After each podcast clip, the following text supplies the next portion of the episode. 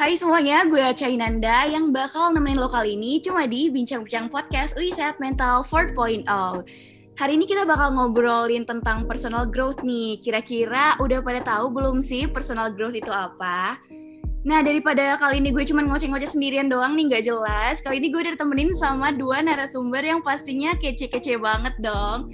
So, please welcome Kak Praya dan Kak Andre. Yeay, boleh dong tepuk tangan dulu kali ya. Yeay. Apa kabar nih, Kak? Baik. Baik sekali. Boleh kali ya kita perkenalan dulu gitu ya Kak, biar para teman-teman yang dengerin di rumah nih bisa lebih kenal lebih jauh gitu nih. Bisa dong Kak sebutin namanya, angkatan berapa, dan kira-kira lagi sibuk apa nih akhir-akhir ini? Mungkin Praya dulu kali. Oke, boleh. Kenalin nama gue Abi Praya Condronegoro, biasanya dipanggil Praya dari jurusan Sistem Informasi 2018.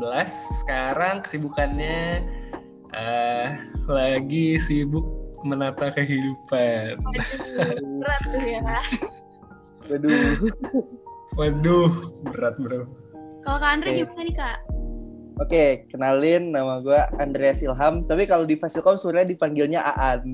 Oh, oke. Dari dari jurusan Sistem Informasi angkatan 2019. Kesibukan eh, kemarin lagi baru kelar ngadain acara dan sekarang lagi gabut sih sebenarnya. Paling nugas kuliah kayak biasa sih. Jadi lagi nggak sibuk-sibuk banget lah ya. Iya, lagi nggak terlalu sibuk lah. Oke, jadi keren-keren banget memang ya narasumber kita kali ini. BTW nih ngomong-ngomong tentang personal growth nih, lo bisa coba ceritain gak sih kak tentang momen di hidup lo nih pas lo ngerasa kayak lebih berkembang gitu sebagai individu. Dan saat itu kira-kira lo lagi ngapain sih dan gimana nih perasaannya pas lo ngerasa jadi individu yang lebih baik nih dari sebelumnya gitu. Pas lagi berkembang banget itu gue ngerasa gue lagi di tahun 2019 sama di awal 2020 sebelum pandemi ini sih. Itu gue hmm, lagi semester 3, berarti lagi semester 3 terus 4 juga. Jadi semester 3 itu kayak salah satu kayak semester yang kayak susah gitu. Pertama kali susah buat orang yang masuk fasilkom kayak dia kaget kayak wah gila nih ngaco nih eh, kuliah-kuliahnya kok tiba-tiba pusing banget nih apalagi Aan nih baru nih baru ngelewat semester 3 kemarin. Eh, di situ gue selain lagi melalui segala macam kesulitan itu, gue tuh juga menjabat jadi uh, ketua kontingen buat UI Artwarnya Fasilkom pada saat itu. Itu seru banget dan juga uh, gue maju nyalon jadi Vice Project Officer kayak acara internal di Fasilkom namanya Pesta Rakyat Komputer. Nah di situ kayak meskipun kayaknya banyak banget tuh kegiatan, banyak banget uh, kesulitan kayaknya banyak banget sih. Uh, tapi gue merasa di situ gue mulai mengenali diri gue sendiri gitu. Kayak gue mulai nyaman dengan diri gue sendiri. Uh, kayak nyaman gue berhubungan dengan orang lain, bekerja dengan orang lain, terus juga kayak gue rasanya tuh bisa menghadapi segala tantangan gitu kayaknya oh ya ini bisa nih Uh, kayak gue tahu kapan harus minta bantuan segala macam gitu kayak rasanya tuh semuanya tuh kayak under control gitu uh, sama gue dan rasanya tuh jadinya fulfilling gitu kalau gue bisa melakukan sesuatu. Jadi kayaknya gue merasa gue sangat berkembang gitu. Terus kayak di awal 2020 gue menjadi kepala departemen seni budaya di Fasilkom di situ gue berkembang lagi kayak gue belajar untuk kayak lebih meningkatkan interpersonal relationship gue dengan orang lain gitu. Itu staff-staff gue alias Andreas Ilham di sini juga Oh, nih Eh, banyak banget pengalaman yang bikin kakak eh, buat berkembang lagi gitu ya kak ya. Mm-mm, di situ Kalau Kak Andre gimana nih? Kayaknya kalau misalnya Praya itu dari yang waktu semester 3 4, kalau gue mungkin lebih ke semester 2 ke 3 kali ya. Karena di semester 2 itu gue yang awalnya kayak nggak tahu basic apa-apa mengenai kepanitiaan itu gue mulai join beberapa kepanitiaan. Salah satunya yang uh, Praya jadi vice project officer gue jadi uh, staff eventnya. Dan di sana kayak gue ngerti kayak wah oh jadi kayak gini nih kalau misalnya gue bisa belajar gimana cara bikin acara dan kayak gimana hubungan dengan kalau misalnya event otomatis kita uh, berhubungan sama supporting supporting nah itu kayak gimana sih cara menjalin hubungan dengan supporting supporting nah terus kayak tahun yang semester 3 ke 4 itu gue maju nih sebagai PIC eventnya. Dan itu gue ngerasain kayak wah ternyata kalau misalnya jadi staff itu beda banget sama sama jadi PIC kalau misalnya di staff kita cuma mikirin kayak gimana acara bisa jalan kalau jadi PIC itu kayak kita nggak cuma mikirin gimana acara jalan tapi kayak kita juga harus oh, mikirin gimana staff-staff kita. Dan kayak gue ngerasa dengan menjalin hubungan sama staff-staff gue itu kayak gue jadi ngerti gitu banyak hal tentang yang sebelumnya gue nggak tahu gitu. Satu lagi mungkin yang gue ngerasa gue lebih uh, lebih berkembang sebagai individu itu mungkin di tahun 2019 waktu gue lagi persiapan buat SBM sih. Wow. kayak gue ngerasa kayak wah uh, persiapan-persiapan gitu gue harus bener-bener harus belajar gue nggak boleh kayak gue yang dulu yang males-malesan. Itu sih yang bikin gue kayak wah gue gue udah berkembang nih nggak gue udah nggak kayak dulu. Mungkin itu sih kalau gue pribadi. Betul banget sih kalau sama kayak gue juga kayak turning point juga mungkin pas uh, persiapan buat masuk kuliah kali ya. Karena sebelumnya pasti kita nyantai gitu kan kayak udah enjoy aja gitu. Pas persiapan masuk kuliah tuh langsung dor kaget. Pasti bener-bener ngerasa oh oke okay, jadi gini ya. Gitu Nah kak, dari pengalaman berkembang tadi nih, kira-kira hal yang paling bikin berkesan itu apa sih? Dan menurut kakak nih, gimana sih cara berkembang dalam proses itu? Mungkin kalau misalnya yang persiapan SBM nih, yang persiapan SBM itu kan gue anak daerah nih, jadi gue persiapan SBM-nya itu kebetulan pergi ke Jakarta soalnya kayak nggak biar apa ya, biar bisa fokus dan gak ada teman-teman kan kalau ada teman-teman otomatis kayak main-main gitu kan nah jadi kayak gue ngerasa waktu ngelihat orang-orang yang anak-anak daerah Jakarta itu seambis itu kayak gue ngerasa wah ini keputusan yang bener nih gue di sini gue bisa ke ke bawah ambis-ambisnya juga gitu kan. Hmm. itu sih yang yang kalau misalnya buat persiapan SBM gue jadi kayak cara gue biar berkembangnya juga otomatis sebenarnya itu dari lingkungan sih kalau gue karena ngelihat lingkungan kita kayak gitu otomatis kita, kita juga ke bawah dong. Nah itu sih yang bikin gue uh, jadi lebih apa ya lebih lebih bisa fokus buat persiapan SBM gue kalau misalnya untuk udah masuk ke fasilkomnya itu kalau gue hal yang paling mengesankan ya pasti waktu punya staff sih. Kayak itu bener-bener se gue se amaze itu sama staff-staff gue gue banyak belajar dari mereka juga gitu. Intinya kalau bagi gue sendiri cara buat berkembang itu gue dari lingkungan sih kebanyakan gitu Betul sih, memang lingkungan itu salah satu faktor yang punya pengaruh besar banget nih buat diri kita sendiri gitu, terutama buat perkembangan diri kita sendiri. Kalau Kak Praya gimana nih Kak? Gue setuju banget sama poin-poin kalian tadi, poin Aan, poin lu juga soal lingkungan.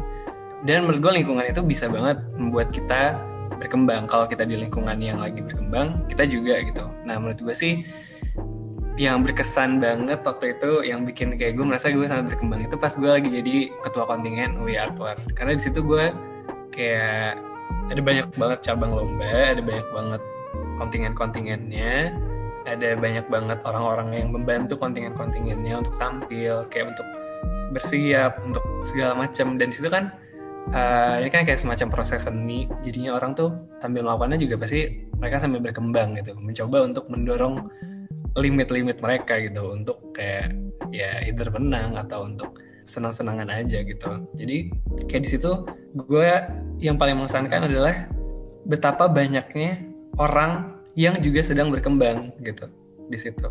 Kayak gue merasa oh gue memfasilitasi ada perkembangan ini gitu sambil mereka membantu gue juga berkembang. Jadi kayak wow keren abis gitu kayak wah banyak banget gitu uh, orang-orang yang kayaknya lagi berjuang berusaha menghadapi masalahnya terus kayak gue ketemu sama mereka tuh kayak tiap hari tiap hari tiap hari jadi kayaknya frekuensinya tuh banyak banget gitu jadi kayak wow cool Iya sih, apalagi kalau misalkan uh, orang-orang yang kita temuin itu punya goals yang sama gitu ya kak sama kita. Jadi mm -hmm. nah, itu sih memang faktor yang kenceng banget tuh buat kita berkembang. Nah, BTW nih, tentang berkembang, pasti kan jalan itu nggak selalu mulus ya, Kak. Pasti ada aja tuh tantangannya dan ada aja kegagalannya. Kira-kira pernah nggak sih ngalamin kegagalan? Dan kalau iya, gimana sih cara bangkit dan belajar dari kegagalan itu, Kak? Oke, jadi sebenarnya gue sendiri itu sangkatan nama Peraya. Gue lulusan 2018. Nah, jadi pastinya kalau udah 2018 dan gue bisa dibilang gue gap setengah tahun gitu. Jadi sebelumnya gue kuliah, terus gue cuti karena gue pengen ngejar cita-cita gue di SUI ini kan. Nah, jadi gue bener-bener cuti, terus gue bimbel. Nah, sebelumnya sebelum itu yang yang di kampus lama itu gue udah gagal sekitar 5 atau enam kali tuh jadi kayak yang kampus lama itu last hope dan gue coba dulu lah kata-kata oh, nyokap bokap gue jadi gue coba dulu taunya emang nggak nggak serak oh gue coba lagi tahun 2019 dan emang kayak nggak semulus itu ternyata emang sesusah itu ternyata masuk UI gitu. Kayak waktu udah bimbel pun udah bimbel enam bulan kayak udah mati-matian belajar kayak oh, bangun pagi belajar malam belajar kayak kayak gitu. Ternyata gue juga SBM gagal lagi jadi kayak oh kalau total kegagalan gue gue masuk lewat simak paralel. Jadi total kegagalan gue buat masuk UI itu sendiri sekitar berapa ya? Totalnya 10 total 10 kegagalan baru bisa masuk UI dan itu pun kayak paralel kan. Nah, nah di paralel itu gue gue mikir lagi ambil nggak ya ambil nggak ya? Soalnya takut ngebebanin keluarga kan. Oh, karena itu ada uang pangkal dan UKT-nya juga lumayan tinggi. Tapi di satu sisi keluarga gue bilang jangan pikirin itu dulu. Ntar bisa kok cari-cari beasiswa gitu karena itu yang bikin gue kayak oke okay, coba dulu gitu karena dan yang bikin gue selalu bangkit dari semua kegagalan yang tadi itu pastinya gue inget keluarga dulu sih kayak nggak boleh nyerah nggak boleh nyerah boleh nyerah gitu. Kayak orang tua oh, mama papa kakak abang itu udah udah selalu support. Intinya kalau nyerah masa masa nyerah sih? Keluarga aja selalu nyemangatin. Dan juga teman-teman sih kayak teman-teman itu selalu kayak ayo bisa kok. Dan dengan adanya teman-teman bimbel gue tadi yang otomatis sama-sama alumni kan sama-sama gapir juga itu kayak bikin wah gitu, oh gue nggak sendiri nih gue banyak teman-teman itu sih yang bikin gue bisa bangkit dari semua kegagalan gue tadi sih jadi memang ada motivasi dari balik lagi kayak tadi ya dari lingkungan ya kak ya. Iya, bener. Kalau kak Braya gimana nih kak? Wah gila, An lo keren banget, An lo inspirational banget deh. Boleh dong tangan dulu kali ya. Waduh. keren, keren, keren. Mungkin kalau gue mau ngomongin kegagalan-kegagalan dalam skala kecil yang kayak terjadi di kehidupan kita sehari-hari. Gue itu sangat sering merasa kayak tidak cukup gitu. Kayak gue merasa gue suka kayak kelewatan suka merasa kayak gue lupa mau ngerjain sesuatu gue lupa ingin achieve ini. Gue jadi kayak secara mikro tuh gue setiap hari kayaknya ada kayak aduh gue gagal gitu. Kayak saya suka merasa tidak cukup sih sebenarnya. Jadi kayak gue itu merasa apalagi pas mulai corona itu jadi kan tadi tuh gue menjelaskan kayak 2019 dan 2020 awal tuh kayak gue lagi berkembang gitu. Kayak wah dia keren gue ngerasa cukup gue ngerasa berkembang gue ngerasa segala macam. Terus habis itu tiba-tiba datanglah corona ini. Terus kayaknya semua rencana-rencana gue itu jadi gagal terlaksanakan gitu. Karena sebenarnya belum gagal. Kayak gue di situ jadi merasa gue gagal untuk menangkap situasinya seperti apa gitu. Kayak gue jadinya makin gue tuh jadi kayak panik gitu jadinya. Kayak waduh gue gue gimana nih gue harus apa ya? Gue jadi kayak merasa kehilangan teman gue jadi merasa kehilangan kayak perkembangan gue yang udah gue bangun itu gue rasanya jadi kayak hilang gitu. Terus semenjak itu uh, jadi suka kayak apa ya kayak kayak jadinya ragu jadinya takut. Jadi kayak makin hari tuh kayak kegagalan-kegagalan kecil tuh jadinya kayak numpuk jadi suatu ketidakpercaya dirian yang besar gitu.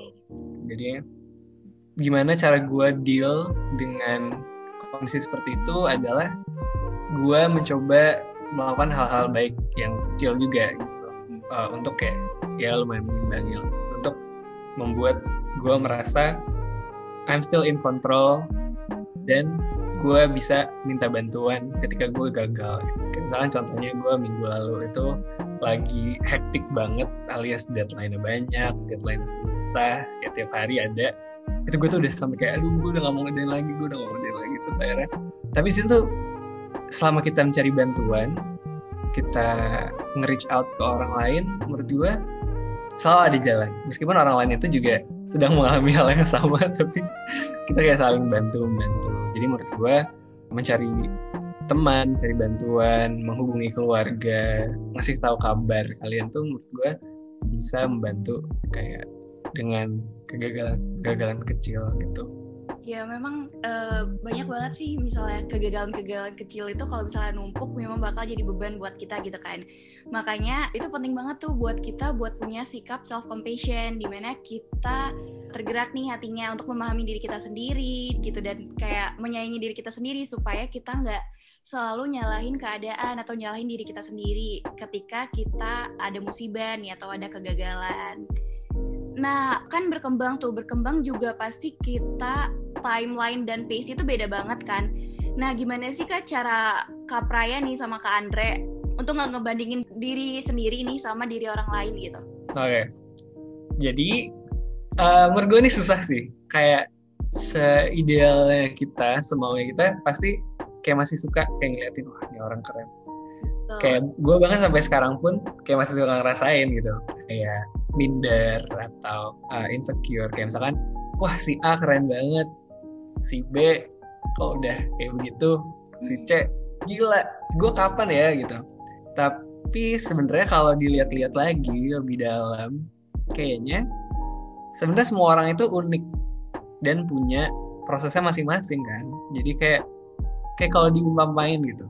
Bisa aja kita itu orang A atau orang B atau orang C yang keren di mata orang lain gitu. Dan keren itu kan gak secara materi yang kelihatan aja gitu. Kayak misalkan si A jabatannya apa atau si B udah memiliki aset seperti apa gitu. Cuman kayak orang itu kan bisa iri kayak dari kesehatan kita kayak hubungan kita dengan orang lain hubungan kita dengan keluarga kayak personality kita. Kayak gue aja suka ini kok iri sama An wah kok dia keren temennya kayaknya dia supel banget gitu.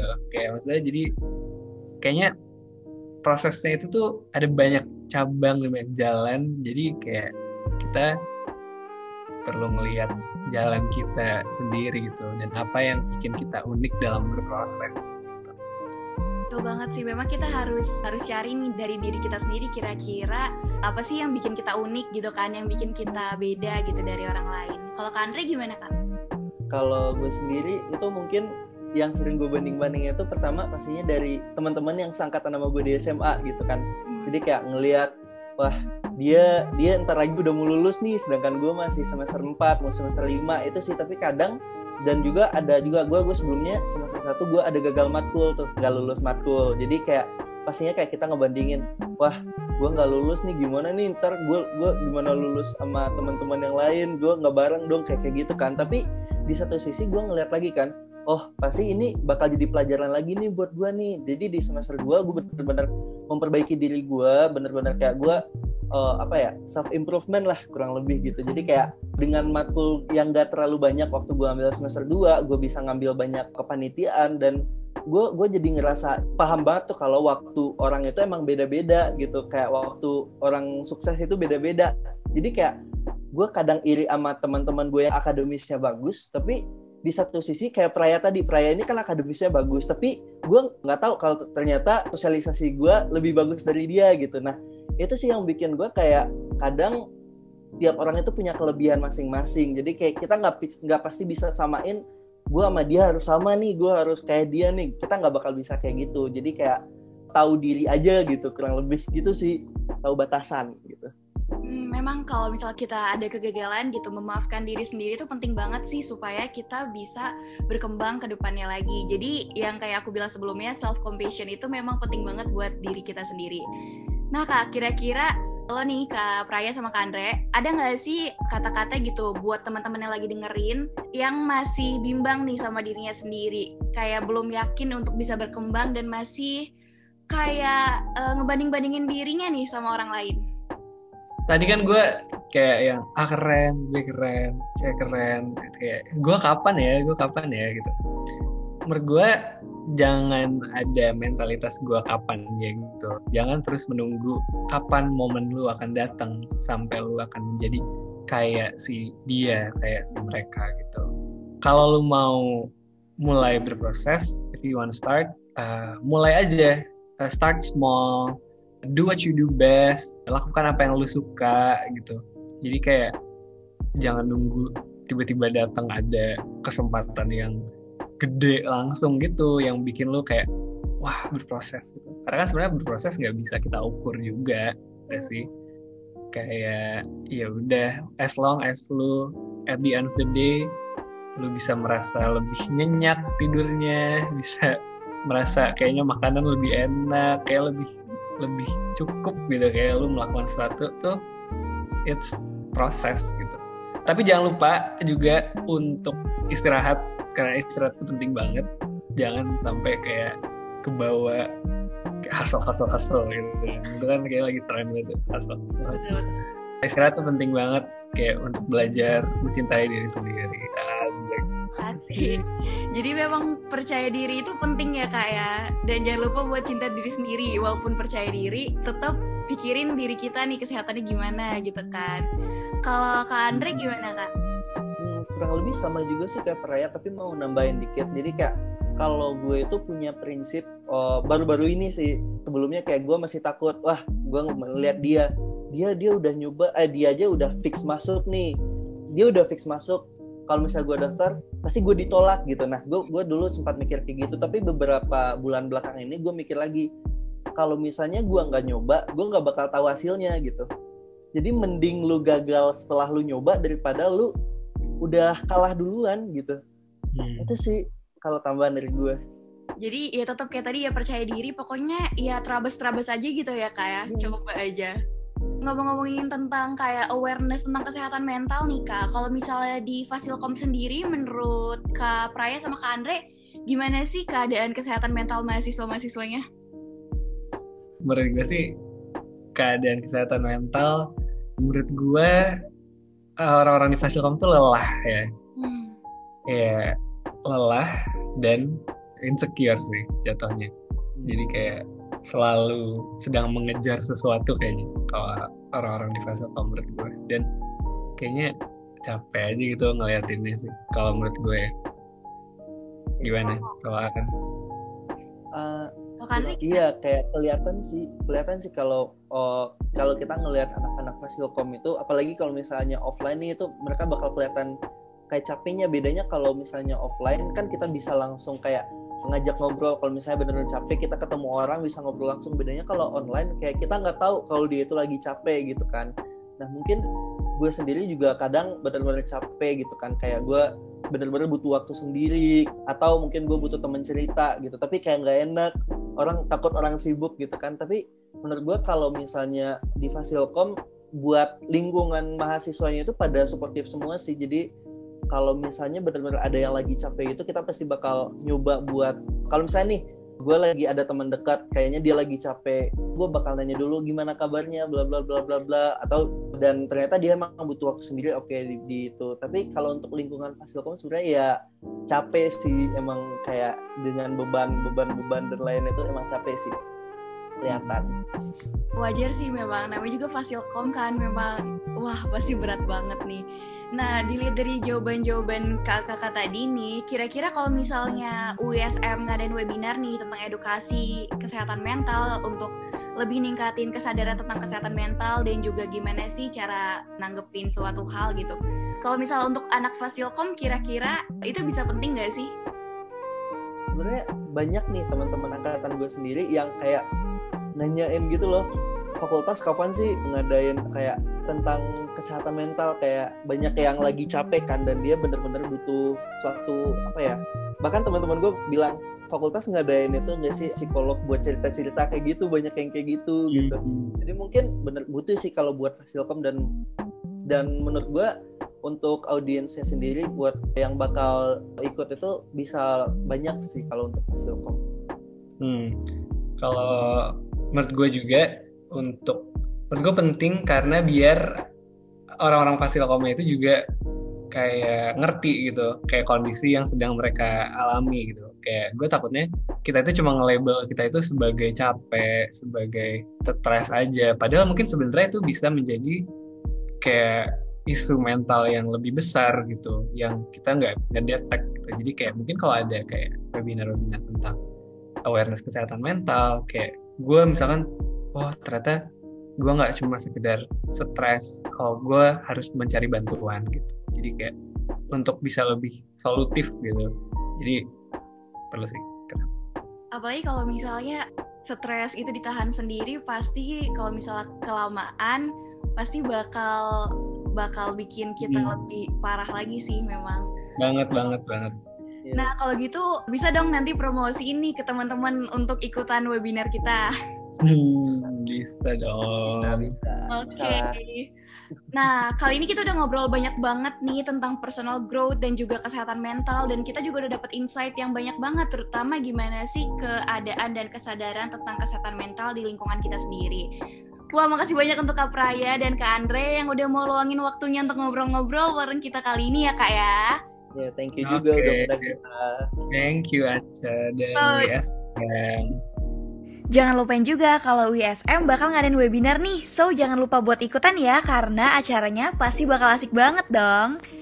Makasih banyak udah dengan podcast kita kali ini ya. Gue Aca undur diri dan sampai jumpa di podcast USM selanjutnya. Dadah!